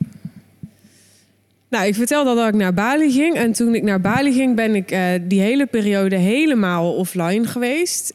Sterker nog, ik, heb, ik ging toen met mijn vader, maar ik heb verder met niemand eh, eh, contact gehad. Behalve mensen die ik daar ontmoette natuurlijk. Maar dus ook, ehm, ook met niemand gebeld, eh ge-sms'd, helemaal niet. Ehm, omdat ik echt helemaal bij mezelf wilde komen. En, en gewoon ruimte wilde creëren om te bepalen wat ik nou wilde en welke kant ik nou opging. En ehm, nou, toen ik weer terug was, toen eh, ging ik op een gegeven moment Instagram er weer opzetten. Begon een keer met Instagram en Facebook. En eh, omdat ik daar ook voor mijn werk wel veel mee deed. En toen, ehm, ja, toen dacht ik, ja, WhatsApp. Ik heb nooit toen eh, bewust het besluit genomen, oké, nu stop ik met WhatsApp. Maar het werd toen meer een soort van challenge dat ik dacht, hé, hey, ik ga eens kijken hoe lang ik het volhoud nu ik terug ben om ook nog zonder WhatsApp te leven. Ja, dus dat begint al met een week en dan twee weken en dan drie weken. En op een gegeven moment denk je, hé, hey, het gaat eigenlijk prima. En nu zijn we een jaar verder en ik heb het nog steeds niet. Ja. En inmiddels is het wel echt een bewuste keuze. Maar in het begin was het meer een soort van challenge. Gewoon eens kijken van waar loop ik dan tegenaan? En gaat dat überhaupt? En Ja. dat. Ja, ik heb dus nu een week niet, volgens mij iets minder. En dus daarom valt het ook het? wel. Nou, het is idioot hoeveel rust het geeft. ja, hè? Ja. Ja, En dat is dat ik kan het niet uitgelegd bijna. nee. Eh, wat, wat heb je nog wel op je telefoon bijvoorbeeld? Eh, nou, Facebook eh, standaard niet eigenlijk. Die zet ik alleen af en toe erop als ik iets moet doen of zo. Of opzoeken. Ja. Maar in principe niet. Eh, Instagram en LinkedIn doe ik eigenlijk het meeste mee. Omdat ook gewoon de kanalen zijn, social media kanalen waar ik het meeste mee doe. Maar daarvoor geldt ook dat af en toe ben ik het beu. En dan haal ik ze gewoon voor een middag of zo eraf. La- later weer erop. Maar dan wil ik gewoon even dat ik gewoon niet meer kan kijken. Anders ga ik het toch doen. Dus misschien dan toch een beetje verslaving of zo. Ik weet het niet. Maar... En verder... ehm, ja, verder niet echt sociale media of eh, ik heb natuurlijk wel een, eh, ja, andere apps, maar ehm, ja, dit is meer dat ik mijn planten moet water geven, zo van een andere orde, zeg maar. Zijn daar apps voor? Ja, ik heb. nou, daar ga ik maar niet over beginnen, want dat dwaal ik helemaal af. Maar er is zo'n webshop, superleuk, waar je planten kan kopen. En eh, als je dan eh, de app van die webshop installeert en je geeft aan welke plant je hebt gekocht, dan krijg je dus elke keer een melding als je die plant moet water geven. Dat is best wel handig. Oh? Nou, zulke dingen, ja. Super praktisch. Ja. Oké. Ja. Oh, geniaal. Ik wist toch niet dat dat... eh, ja. Logisch. ja, ik dacht echt, oh, dit is echt zo'n concept wat ik zelf bedacht had willen hebben. Ja. Soms kom je die dingen tegen en denk ja, best wel geniaal. Ja. Hoe... Want merk je wel eens dat mensen daar tegenaan lopen dat ze... Hey, ik wil je... Dat ze het vervelend vinden dat, ze, dat je niet bereikbaar bent? Bijvoorbeeld? Nou, mensen vinden het vooral heel raar. ja. Denk, ja, zo, ja, ik vind het zelf wel meevallen, maar mensen en vinden het echt heel raar. Ik had dus, dat deelde ik eh, volgens mij ook op Instagram. Twee weken geleden of zo was ik bij mijn personal trainer en daar kwam iemand. En op een gegeven moment zei die personal trainer over mij. Zo van, ja, zij heeft geen eh, WhatsApp en geen tv. Alsof dat ook echt zo'n, ja, zo'n mega bijzonderheid is. En die zat me ook echt aan te kijken. En nou, dat geloof ik niet, weet je wel. En dan, dan gaan mensen ook echt vragen, ja, maar heb je dan verder wel gewoon een modern leven, weet je wel? Dan Zei denk je, ja, dat ik zie je toch? Dat ik in me... ja, maar ik ben natuurlijk super online-minded wel op zich. En ook heel actief op eh, social media. Maar daarom juist, weet je wel. Dan denk ik, Mm. ja, ik, ik heb dus ook echt al meer dan genoeg aan eh, eh, Instagram en LinkedIn en af en toe Facebook. En dat, dat gaat veel meer over mijn marketing. En dat vind ik belangrijker dan ja, al die groepsapps. En eh, andere dingen. Wat ook, eh, eh, waardoor ik op een gegeven moment ook echt een weerstand kreeg tegen WhatsApp, is dat het echt een vervanger werd voor mail, zakelijk gezien. Dus ik merkte gewoon dat zakelijk mensen me gewoon gingen WhatsAppen in plaats van mailen. En ehm, natuurlijk is het zo dat je eh, er zelf bij bent of je dan gelijk reageert. En kan je ook, nou ja, inderdaad je telefoon op vliegtuigstand zetten en allemaal dat soort dingen. Maar ik heb dan zoiets van ja, ik wil soms wel gewoon eh, online kunnen zijn om inderdaad uh, privé te kunnen appen of zo. Maar dan wil ik niet ook gelijk al die zakelijke prikkels binnenkrijgen. Dus ja, ik dacht, ik ga hier gewoon een soort van grens trekken. Ik heb ook geen mail meer op mijn telefoon. En ja, voor mij werkt het goed. Ik merk dat ik mezelf er niet aan blootstellen zodra ik want, een mailtje zie. Dat is gewoon mens eigen. Je wil er iets mee ja. doen. Ja. En het geeft heel veel rust dat dat. Ja. En je, je leest natuurlijk in alle time management boeken. Van, je doet gewoon twee keer per dag je mail checken, maar onbewust dus doe je dat toch veel vaker. En je telefoon nou, natuurlijk al helemaal die dit in je hand. Ehm, ja, maar ik, mensen, ik heb nog wel wat, best wel wat onbegrip nu. Van, oh, maar wat als nou iets belangrijks is? Ja, dan kan je me toch bellen. ja, precies. Ja. Eh, Ja. Of wat nou als? Ja, dan kan je me nog steeds bellen. ja. of mailen. Eh, maar het, het geeft wel echt rust. Ik kan een heel mooi, ik ben toevallig, niet toevallig, een boek aan het lezen van Martijn Krabbe, volgens mij Nooit meer te druk. ja. Of Jeroen Krabbe. Nee, eh Wel een Krabbe. Ja, een krabbe, maar volgens mij iets met een T. Ik kan er even niet opkomen. Niet Tony of zo, hè? Nee, ik zeg niet vast iets geks. Nou, Krabbe, Ja, ja. nooit meer te druk. Ja. Ik, ik, ik heb nu in anderhalve dag, ben, ben op de helft, leest heel, heel fijn. Wat er daarin terugkwam, denk ik, oh, dat ga ik meenemen. Dus dat input versus output denken. En wat WhatsApp voor mij doet, en misschien dan ook al voor jou, en je mail en, en Facebook en social media en alles wat, je weet, dat is allemaal input. En je kan de hele tijd bezig zijn met het managen van die input, Mhm. met, je, met je inbox. Mhm. Of je kan bezig zijn met je output. En dat is meer van waar wil ik staan? Wie wil ik zijn? Wat wil ik doen? Wat wil ik nalaten? Hoe, Ja, wat wil ik bereiken? ja. En dan daar beginnen en dan pas Ja. kijken wat je nog toelaat aan input. ja, het is een beetje consumeren versus produceren. Daar denk ik Ja, altijd aan. Reactief, Ja. proactief. Ik vond dat input-output, denk ik, ah ja, maar dit is het precies. Ik, heb, ik moet gewoon drastisch mijn input verminderen, omdat ik gewoon meer tijd wil voor mijn output. En dan zeg je, ja, appje is maar twee minuten. Ja, maar alle Nee, maar appjes je bij hoofd. elkaar. Ja, Ja. ja. Ja, dat is het voor mij veel meer. Weet je, gewoon in je hoofd ook prikkels verminderen. Ja, dat klinkt heel erg eh, alsof ik een oud wijf ben. Nee, maar... het klinkt wel. Nee, ik, heb, ik krijg een beetje kriebels. Ik ben hoogsensitief, dus ik moet. Nee, nee, ik wil gewoon. Shit is gewoon druk in mijn hoofd. Ja, ja. ik gewoon. Ja, ik zou mezelf ook Balans. zeker niet als hoogsensitief eh bestempelen. Maar het is meer gewoon, eh, ja, eh, het, het, het is niet meer te behappen wat we aan prikkels gewoon op ons afkrijgen, denk ik. En, en ik denk inderdaad, als je echt ehm, ook nog wat voor elkaar wil krijgen in het leven, dan moet je jezelf, moet je gewoon grenzen daarin stellen. Zo simpel is het volgens mij gewoon.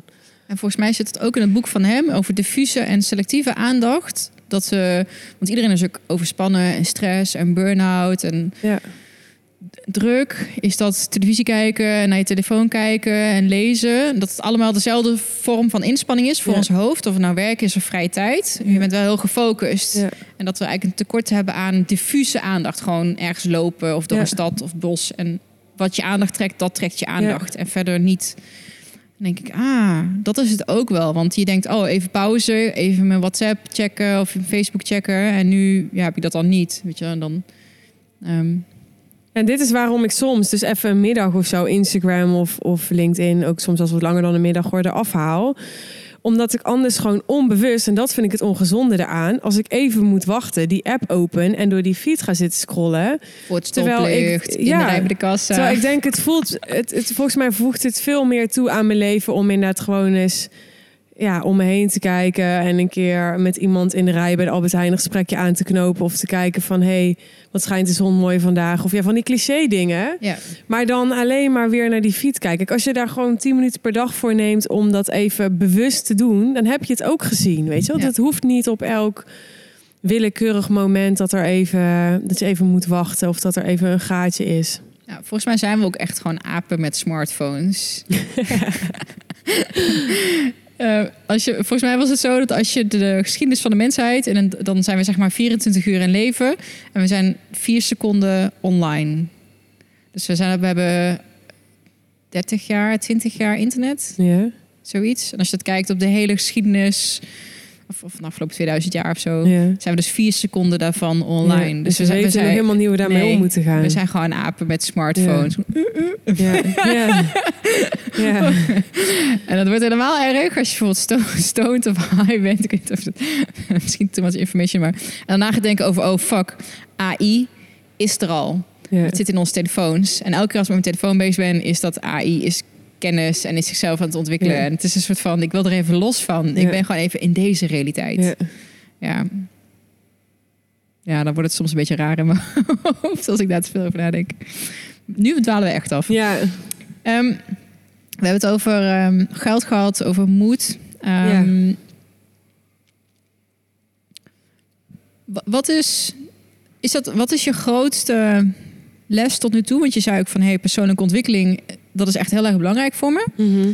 Eh, wat is daar je grootste leerpunt of les in? Of terugkerende les? Want we hebben volgens mij allemaal zo'n terugkerend iets. Ja, ik ben me heel erg ehm, gaan verdiepen in de wet van aantrekking. Wat natuurlijk een mega gehyped eh, onderwerp is. Ehm, en waar ik ook nog lang niet eh, alles over weet. Dus ik vind het altijd lastig ook om daar in mijn post wat over te zeggen. Ik doe het wel, want ik vind het hoeft niet perfect, weet je wel. Ik, vind het lastig om het uit te leggen. En denk, nou leg ik het maar niet helemaal goed uit. Maar ik, ik deel gewoon wat mijn ervaringen daarmee zijn. Maar ik wist dus tot een jaar geleden helemaal niks van de wet van aantrekking. Had ik gewoon nog nooit van gehoord. Ook ik wist wel dat de secret er was, maar geen idee wat daarin stond. Je hebt het trouwens nog steeds niet gelezen hoor, de Goed zo. secret. Ja, ik geloof niet dat dat het beste boek is, maar... Ehm, en daar ben ik, dus ik ben een beetje met die wet van aantrekking gaan experimenteren, en me daar verder in gaan verdiepen. En ehm, ja, ik haal daar gewoon heel veel eh, eh, steun uit, merk ik. Zoals een ander misschien in God gelooft. Ehm, vind ik dat heel interessant. En ook in eh, de kracht van je onderbewustzijn. Daar ben ik ook, heb ik ook de afgelopen tijd weer heel veel over gelezen. En dat heeft daar eigenlijk mee te maken. Ook. Ja, onder andere. Ja, ik heb Ja. nu eh, weer, ben ik voor de tweede keer een boek van eh, Joseph Murphy aan het lezen. Maar die is niet zo heel bekend, maar echt heel gaaf. Oké, ik ga even wat dingen opschrijven, want boekentips die zijn altijd zeer welkom. Ja, ja, ik heb nog nooit iemand gehoord die, eh, die me dat boek aanraden. Maar ik zou het andere mensen zeker aanraden. Of in ieder geval die schrijver. Joseph Ehm, Murphy. Ja. En ehm, ja, die heeft meerdere boeken geschreven over je onderbewustzijn. Ze lijken allemaal op elkaar. Volgens mij maakt het niet zo heel veel uit eh, wat je dan eh, leest.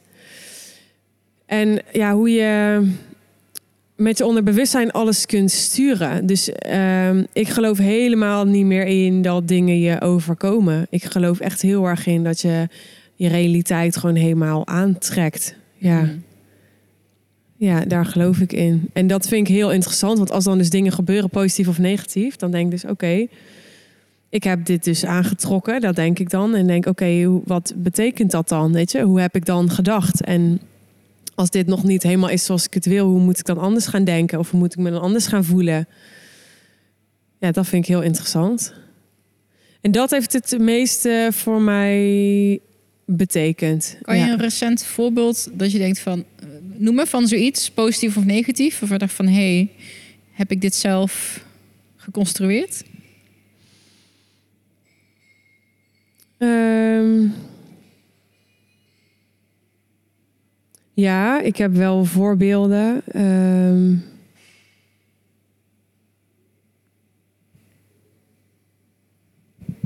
nou ja, wat ik bijvoorbeeld wel heb meegemaakt van die kleine dingen, ehm, is dat ik ook gewoon een soort van een experimentje deed met mezelf en dacht, nou, ik ga nu eens eh, in een soort van meditatie aan één iemand denken. En dat dan echt de volgende dag iemand die ik dan heel lang niet had gesproken en die dan de volgende dag contact met mij opnam. Zulke dingen. Ja, je moet daar een beetje in geloven. Maar zulke, zulke dingen, ja, dan, dan denk ik wel echt, nou, dat is geen toeval. Ik geloof wel echt dat ik, dus als ik daar heel sterk mee bezig ben, hè, als een van wat je aandacht geeft groeit, dat dat dan. ehm, eh, dat dat dan naar je toe komt. En ehm, misschien is dit niet het meest interessante voorbeeld. Want je wil misschien iets horen over eh, dat ik eh, zeg maar iets wat meer betekenis heeft. Want dit was natuurlijk meer een experimentje. Ja, bijvoorbeeld Mm. een zakelijk succes Ja, of falen. ik noem maar even iets. Van, Ja. oh, maar dit... Nou ja, ik heb ook wel meegemaakt dat ik echt eh, met affirmaties op een gegeven moment had bedacht. Zoals in afgelopen april had ik mijn eerste live dag. En die, eh, ik had toen nog een halfjaar traject. En eh, ik had op een gegeven moment die live dag toegevoegd aan mijn halfjaar traject. Nou, dat had ik voor de eerste keer verkocht in februari. Toen had ik zeg maar één iemand die op die live dag zou komen. Maar het was de bedoeling dat het gewoon natuurlijk een live dag zou zijn met ook een beetje een mastermind idee. Dus met een groep. En nou, ik, ik wist dus van ja, ik heb nog tot april om, dan moet het wel een soort van groep zijn. Want anders zit ik daar met één iemand en dat, ja, dat, dat voelde dan wel echt als falen of zo. Dus toen eh, eh, ben ik een affirmatie gaan maken en gewoon elke dag voor mezelf hardop gelezen van, nou, ik heb eh, dan en dan mijn live dag en er zijn vijf mensen en ze zijn allemaal dankbaar en ze gaan allemaal heel veel leren en bla bla bla. En, eh, nou, en ik had vijf mensen. En Dat is natuurlijk allemaal heel dankbaar en veel geleerd. Oh ja, ja. Nee, maar dan is natuurlijk, kan je natuurlijk zeggen, ja, weet je, ik bedoel, je hebt daar ook gewoon voor gewerkt en het was misschien ook wel gebeurd als je niet die affirmatie ehm, eh, had gemaakt.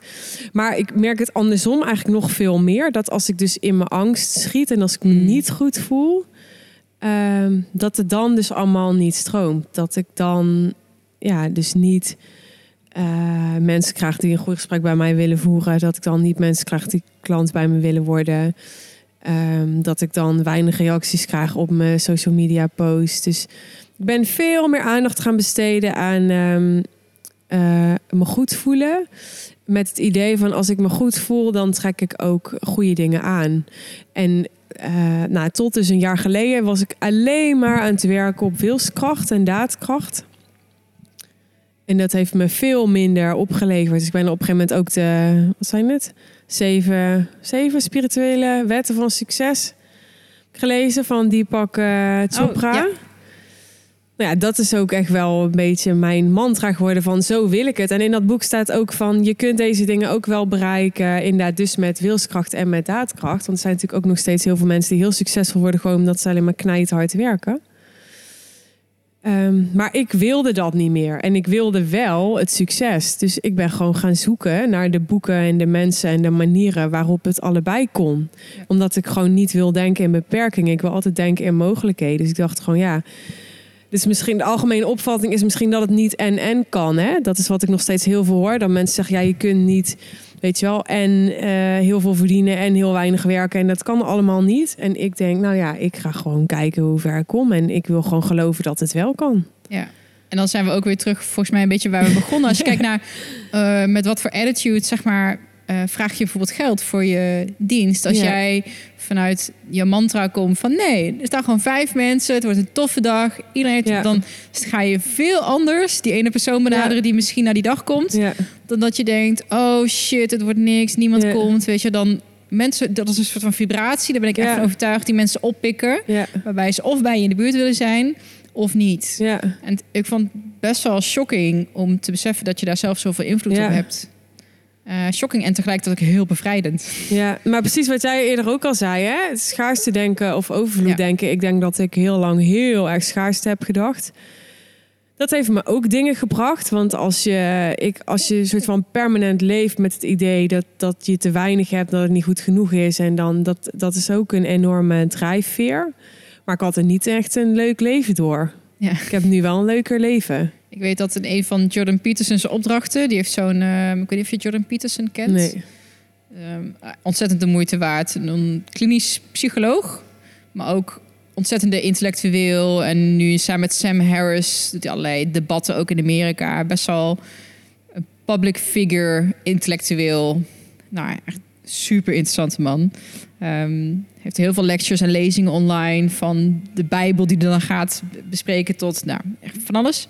Ehm, waarom zeg ik dit? Dan ben ik hem zelf kwijt. Oh, hij heeft een self-authoring programma. Dus een programma waarmee hij mensen helpt om ehm, hun doelen te behalen. Mhm. En een van zijn opdrachten is ook je helscenario beschrijven. Ik zeg van ja, iedereen focust op, weet je wel, je droomscenario beschrijven. Mhm. Dat is super waardevol. Want je, ja, alle Michael-aanhangers weten dat. Je moet Mhm. weten waar je heen wil. Eh, maar het is ook heel goed om te beseffen wat je niet wil. Want je zei van mijn angst is om eh, zonder geld, weet je wel, om arm te zijn. Mhm. Dat is ook een drijver. Maar ik denk dat het niet goed is als het je enige Nee. eh, drijfveer is. Maar dat is wel, ik heb hem hier achter in mijn boek staan ook. Dat is wel echt zo van, als je dan even zo van, ja, maar dat wil ik echt, echt, echt niet. Nee. Ja. Dus je hebt het alle twee nodig. Ja. Maar ik denk dat heel veel mensen alleen maar iets hebben van, oh, dat wil ik niet. Maar zo ik wel een beetje, zo zitten we volgens mij ook gewoon als hersentechnisch als mens in elkaar. Weet je, we hebben gewoon een, een default mode network, een onbewuste, wat ons hoofd is continu aan het scannen op gevaar en angst. En dat is allemaal heel Ja. erg evolutionair, heel fijn dat Ja. dat zo werkt. Ja.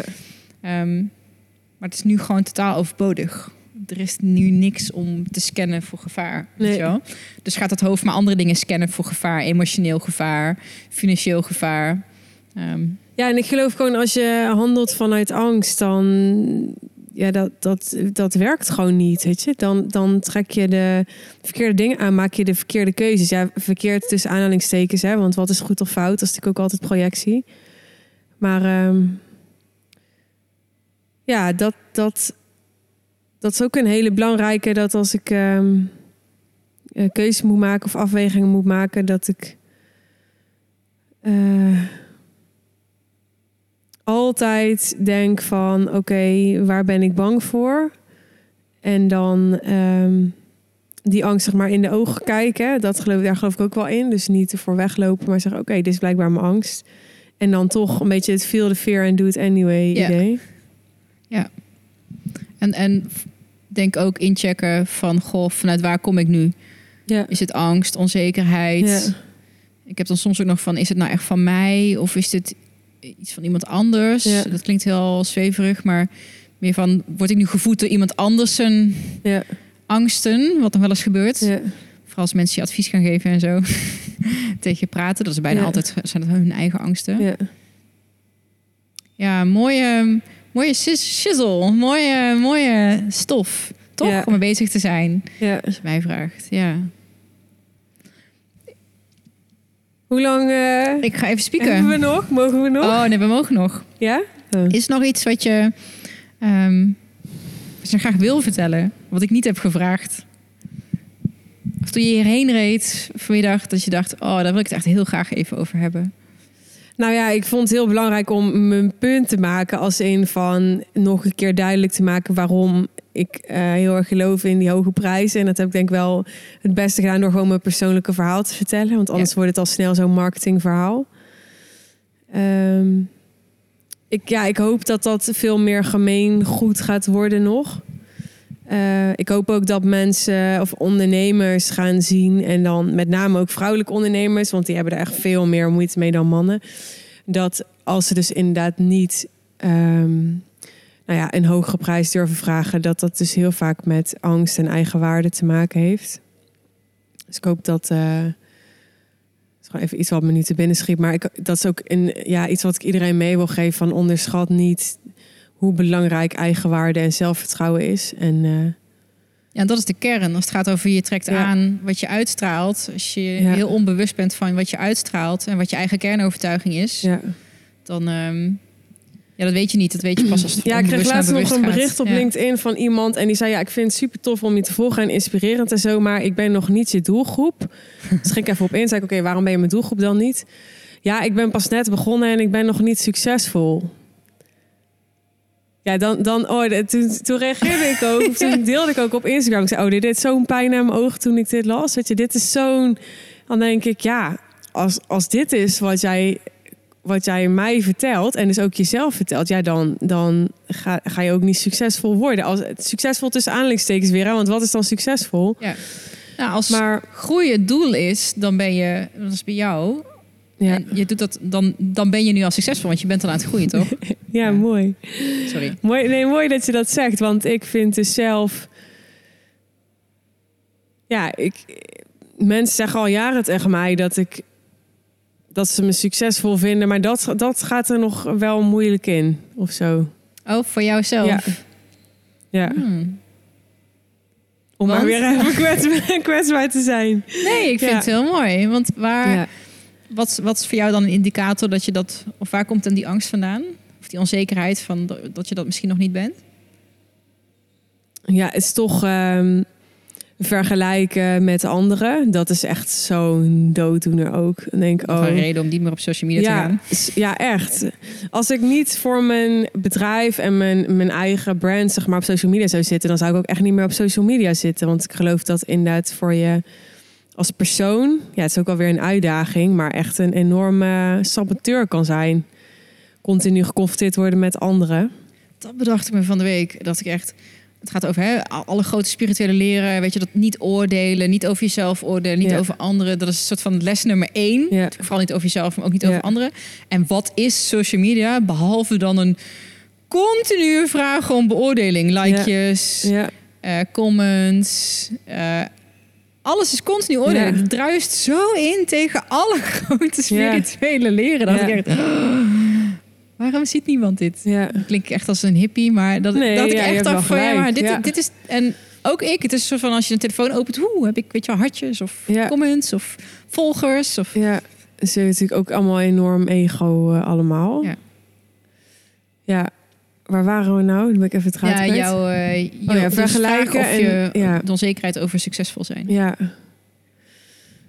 Ehm, ja, toch vergelijken met anderen. En dan eh, altijd maar kijken naar... Ik kijk gewoon nooit naar mensen die dus minder ver zijn dan ik. Want ja, om even heel bot te zeggen, vind ik gewoon helemaal niet interessant. Hij klinkt misschien heel lullig, maar... Dus ik ben altijd aan het kijken naar mensen die verder tot veel verder zijn dan ik. En dan ook weer verder tussen aanhalingstekens, want wat is dan verder?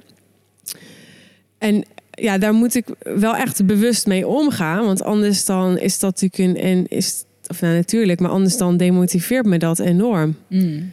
Terwijl, ja, dat vond ik echt heel mooi. Dat een, eh, vorige week toen ik een eh, live dag had met mijn klanten... een klant tegen mij zei van... als je het dan hebt over vergelijken eigenlijk... ja, er is niemand die doet wat jij doet. Die op jouw leeftijd, weet je... zo zo'n high-end bedrijf runt, zeg maar. Er zijn natuurlijk wel meer hele jonge, succesvolle ondernemers. Ehm, maar er is niemand wat ik doe, die doet wat ik doe op mijn leeftijd. Ik weet niet wel. En, hoe oud ben je eigenlijk? eh, hoe oud denk je? nee, ik ga het echt niet schatten. Jawel. Nu, door alles wat je net zegt, denk ik, oh, nu ben je heel jong. 16, Nee, hoe oud ben je? 24. Ja, dat is inderdaad heel jong. cool. Nee, ik vind het echt te gek. Ja. En toen dacht ik weer, oh ja, weet je wat, dus als je het dan hebt over vergelijken, dan eh, denk ik, ja, ik ben dus eigenlijk eh, helemaal niet vergelijkbaar. Dus ik moet mezelf ook helemaal niet met anderen vergelijken. En bovendien realiseer ik me ook van, ja, weet je, nogmaals, ik zou nu ook al wel een miljoen kunnen hebben of eh, een bedrijf met 100 medewerkers of zo, maar ik kies daar niet voor. Het zijn allemaal keuzes, weet je. Het, het zou Hmm. kunnen, het is allemaal mogelijk, daar geloof ik tenminste in. Ehm, maar ik heb gewoon hiervoor gekozen. En, en soms vind ik wel zelf dat ik daar nog meer voor mag gaan staan. En ehm, eh, nou ja, dat. En ik vind het ook lastig. Ik heb zelf best wel moeite met het woord eh, business coach. Komt ook wel een beetje door Michael. hè. Als je bij Michael komt, dan zegt hij ook... ja, er zijn helemaal geen business coaches in Nederland. Wist ik niet. Terwijl hij Ja. zichzelf ook business coach Ja. geloof ik. Maar, dat, maar goed, ik snap zijn punt wel als in van... eh, er zijn gewoon eigenlijk helemaal geen mensen in Nederland... die echt op bijvoorbeeld Dempenia niveau snappen hoe business werkt. Nou, misschien, Ehm, misschien wel, maar dat zijn niet de mensen die, op, eh, die zich profileren Klopt, online als business coaches. Ja, ja. Dat, dat, dat is het eigenlijk. Er zijn er misschien wel die het kunnen, maar die, eh, die, die schreeuwen dan niet Ik eh, zo zeggen, ik hard. weet zeker dat we echt wel topondernemers Ja. hebben. Maar goed, die zijn, die zijn niet in de, in de field als business coaching... Nee. en die via Instagram proberen klanten Nee. te... Nee, en topondernemer maakt je ook nog geen top business coach. Dat vind ik wel ook Dat echt een waar. verschil. Ja. Want coaching is wel ook echt een vak. Is ook wel iets wat ik afgelopen jaar echt heb geleerd. En eh, ik vergelijk het altijd met ehm, voetballen. Want er wordt natuurlijk heel snel gekeken van, naar business coaches. Van ja, hebben ze het zelf al gedaan? En ook best wel eh, terecht. Hè? Ja, tuurlijk, je mag toetsen of iemand weet waar die het over heeft. Maar eh, de, de beste voetballers zijn niet per se de beste trainers. En de beste trainers waren niet per se de beste voetballers. Weet je, zo is het gewoon. En dat is met business coaches ook. Kijk, dat jij iemand anders kan helpen om 10 miljoen te verdienen, wil niet zeggen, vind ik, dat je eerst zelf 10 miljoen verdiend moet hebben. Waar het om gaat, is of jij andere mensen daar zo goed mogelijk bij kan helpen. Voor mij. Het is ook niet jouw doel. Jouw, volgens mij is jouw passie om anderen daarbij te helpen. Om een visie bij iemand te hebben, naar een bedrijf te kijken en zeggen: "Oh, Ik zie het helemaal voor me. En dat dan een succes Ja. te maken. Ja, Ehm, eh, en dat is je track record. Als je dat met anderen, voor anderen kunt doen. ja. Ja. Benieuwd, heb je eigenlijk... eh, wat vind je van de podcast? Van het interview nu, zo? Ja, Of- maar ook... Oké, misschien heb jij... Even kijken of jouw... ehm, jouw business magic of jouw visie magic... Of daar iets... eh, Oh, zo. Oh, Ja, je bedoelt vanuit ik- business oogpunt. Ja, zo, oh, ik- ja. In één keer dacht ik, oh, wacht eens even. Je vraagt wel, wat haal ik eruit? ja. Hoe, hoe kijk jij tegen het hele podcast aan in, dat, eh, in die optiek? Ja, ik vind zelf podcast super tof om te luisteren. Eh, ik denk ook zeker dat het een, een goed marketingkanaal kan zijn. Eh, ik denk niet dat het, het, de, ja, dat het de, het marketingmiddel is wat in zo min mogelijk tijd zo effectief mogelijk is. Want, Ehm, of ten opzichte van wat bijvoorbeeld? Ehm, nou, wat ik bijvoorbeeld mijn ehm, klanten leer, is om content te creëren waarbij ze eh, de pijn van hun eh, doelgroep benoemen, waarbij ze interventie plegen, een soort van nachtmerriescenario benoemen. Dus aangeven van nou, als je doorloopt met deze pijn of als dit probleem niet opgelost wordt, dan gaat er dit of dat of dat gebeuren. Aanhaken op het verlangen, dat soort dingen. En dat is ik geloof nog steeds dat dat de meest effectieve content is. Dat kan je op verschillende manieren doen. Dan kan je een video doen, in een LinkedIn-post, in een blog, ehm, in een nieuwsbrief. Maar dat, dat is wel de content, denk ik, die direct ehm, leads oplevert. Zeker als je dat combineert met ehm, een stuk eh, leiderschap, een stuk visie en een stuk kwetsbaarheid. Dus zo heeft bijvoorbeeld dat blog wat ik geschreven heb over waarom ik er dankbaar voor ben dat ik heel veel moest betalen. Daarin zat en mijn visie en eh, kwetsbaarheid. Daarom eh, heb ik daar ook wel echt direct, zeg maar, leads uitgekregen. Of direct mensen die met mij in gesprek wilden. Ja, en dit is natuurlijk toch meer de, de lange weg, denk ik. Tenminste, zoals jij nu doet, mensen interviewen. Eh, er zijn natuurlijk meer die dat doen in een podcast. En ehm, eh, ik denk niet dat dat de meest snelle manier is voor jou om aan leads te komen. Maar ik geloof ook niet dat dat nou je eerste... ehm, eh, doel is hiermee. Ja. Een van de doelen misschien, maar je hebt ook andere doelen mee. ja, het is grappig, want het, het, ik doe nu al een jaar. en, of bijna een jaar.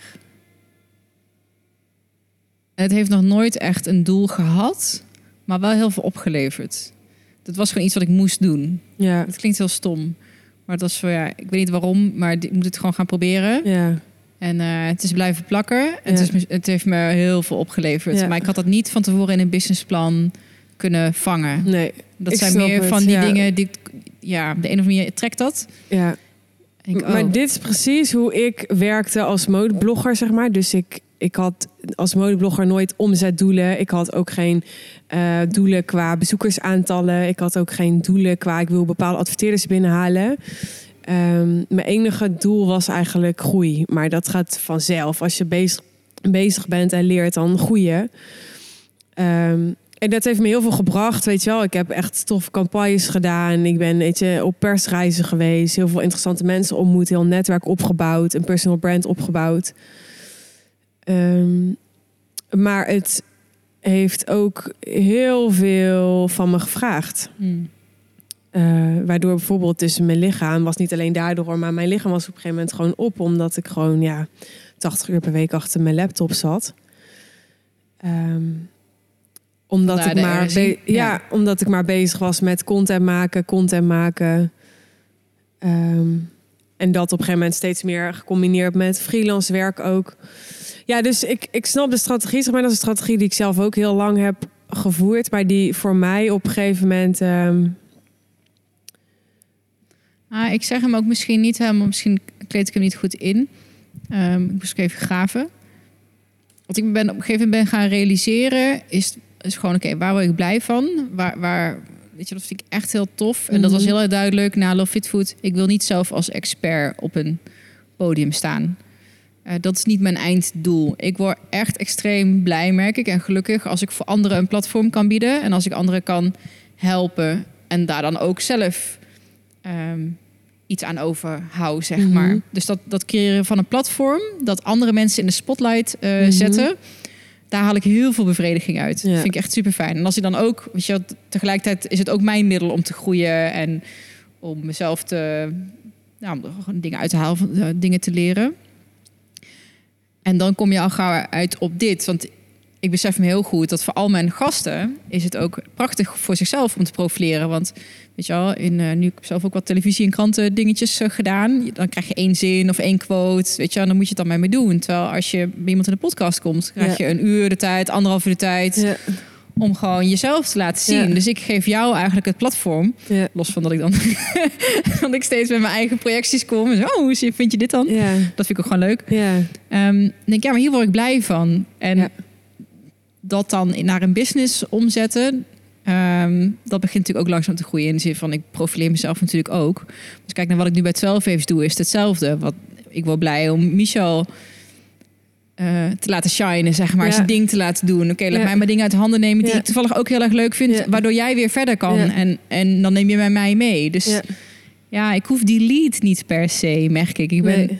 Ik wil wel vooraan staan, maar niet helemaal vooraan. Nee, maar is jouw podcast ook niet een soort van business op zich? Waar je misschien, ik weet niet of je er geld mee verdient. Soms heb ik betaalde gasten. Ja. Ja. Want ik heb een, een policy, en als ik dit nu zeg, gaat natuurlijk niemand mij ooit meer mailen. ik nodig mensen uit, maar als mensen mij zelf benaderen, ehm, omdat ze mijn podcast willen, dan vraag je daar een onkostenvoeding voor. En dat is nu nog vrij laag. En ik weet dat dat bijvoorbeeld bij eindbazen letterlijk een nulletje achter staat. Die heeft natuurlijk een heel ander bereik. Ehm, en, en dat, daar heb ik er nu een paar van gehad. Dat is tof, want dat, dat ben ik ieder geval uit de kosten. En Ja. dat zou wel kunnen groeien. Dus in die zin kan je het als je met sponsoren en betaalde, betaalde seats kan je dat wel oplossen. ja. Ehm, maar voor nu is het prima gewoon wat het is. Omdat Ja. het me ook weer helpt in wat ik met 12 waves doe. En Maar weet je, als jij er blij van wordt, dan is het natuurlijk sowieso goed. Maar als ik bijvoorbeeld kijk naar mijn klant of de mensen die ik help, dat daarvoor geldt vaak dat ze heel veel doen aan het bloggen zijn, aan het vloggen zijn op Instagram. En, en, en dat de tijd die ze daaraan besteden gewoon niet in verhouding staat tot wat het oplevert. en ik help ze dus om, dat, om die, die content en wat ze doen gewoon veel effectiever aan te pakken. Zodat ze er daadwerkelijk leads mee genereren. Want iedereen roept natuurlijk wel, ja, je moet jezelf zichtbaar maken en je moet eh, jezelf laten zien. En weet je, er zijn natuurlijk heel veel business coaches die dat zeggen. Maar dat is niet genoeg. Weet je, je kan de hele dag Instagram stories opnemen. Maar dat wil nog niet zeggen dat iemand jou vervolgens eh eh 10.000 euro gaat betalen. Omdat die. Daar is echt wel meer voor nodig. En, Ja. en nou, dat is meer ook de bril waarmee ik er naar kijk. Maar Ja. wil natuurlijk niet zeggen dat. ehm, sommige mensen worden er gewoon heel blij van. Kijk, neem een, een Gary V. Die vinden het gewoon leuk om mega druk te zijn. Weet je wel? Ja. Dat is niet mijn type klant. Maar die mensen heb je natuurlijk ook en dat mag er ook zijn. Ja. Maar dat is gewoon een andere doelgroep. Nee, helder. Ik vind het wel heel goed wat je zegt. Want inderdaad, ja, het is niet alleen maar... Er wordt zoveel geroepen. Oh, je moet, dat werd ook tegen ons geroepen met Love Fit Food. Ja, je, je moet gewoon meer in de arena gaan staan en meer zichtbaar zijn. Ja. Mensen moeten je meer zien. Ik Denk, ja, maar het is niet alleen maar meer zien. Er moet ook een strategie en een Ja. visie achter zitten. Ja, Eh, en conversie is echt een ding. En je moet wel echt weten hoe je dat doet. En dan zijn we weer verkopen en jezelf verkopen. Eh, alleen maar zichtbaar zijn is niet genoeg. Je moet Nee. ook gewoon, als je het niet vraagt, dat heb ik wel echt geleerd. Je moet echt durven vragen. Van hé, hey, maar je kan ook een boek bij me kopen. Of Ja. training bij me nemen. Of een coachingsgesprek aanvragen. Je moet er echt actief om vragen, heb ik geleerd. Ehm, zeker. ja. We zijn volgens mij wel. eh, want ik vroeg je eigenlijk, wat hebben we nog niet besproken? Ja. Waar kunnen mensen je eh, vinden? Behalve dan op LinkedIn en Instagram uiteraard. Of Ja. misschien alleen maar daar, dat kan natuurlijk ook. Nou ja, op mijn site natuurlijk, suzannevanschaik.nl. Ehm en verder, als je me echt wil volgen, dan zijn inderdaad LinkedIn en Instagram wel de beste kanalen. Ja. Dat. Ja. Tof. En ehm, ja, goed, je bent dus nog op zoek naar coaches. Dus bij deze een oproep. Ja. Als je denkt van, hé, hey, dit was een tof gesprek, weet je wel. Ik zie het wel zitten met die dame. Neem contact met haar op. Ja. Ehm, gaan we hem gewoon afsluiten. Dankjewel. Ja, leuk. Heel graag je gedaan. Jij was. bedankt.